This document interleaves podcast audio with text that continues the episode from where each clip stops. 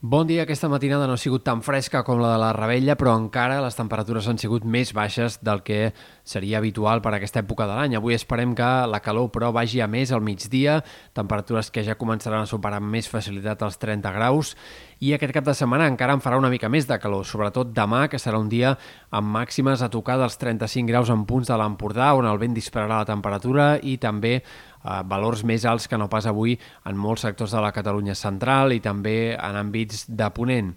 Esperem que aquest cap de setmana comenci amb un temps força tranquil. Avui en predomini del sol, pràcticament sense núvols, a la tarda nuvolades en punts de muntanya, però bastant inofensives, gairebé en lloc ha d'arribar a ploure.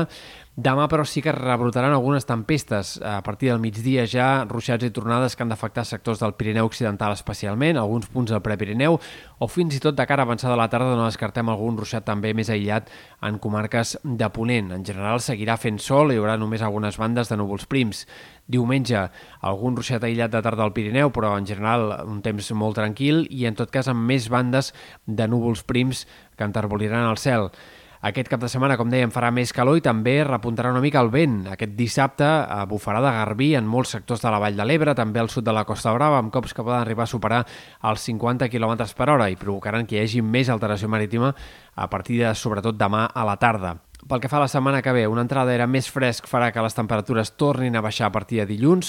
La primera part de la setmana que ve s'entreveu amb un ambient altre cop molt agradable, potser no tant com el d'aquestes últimes hores, però sí amb una calor molt suportable.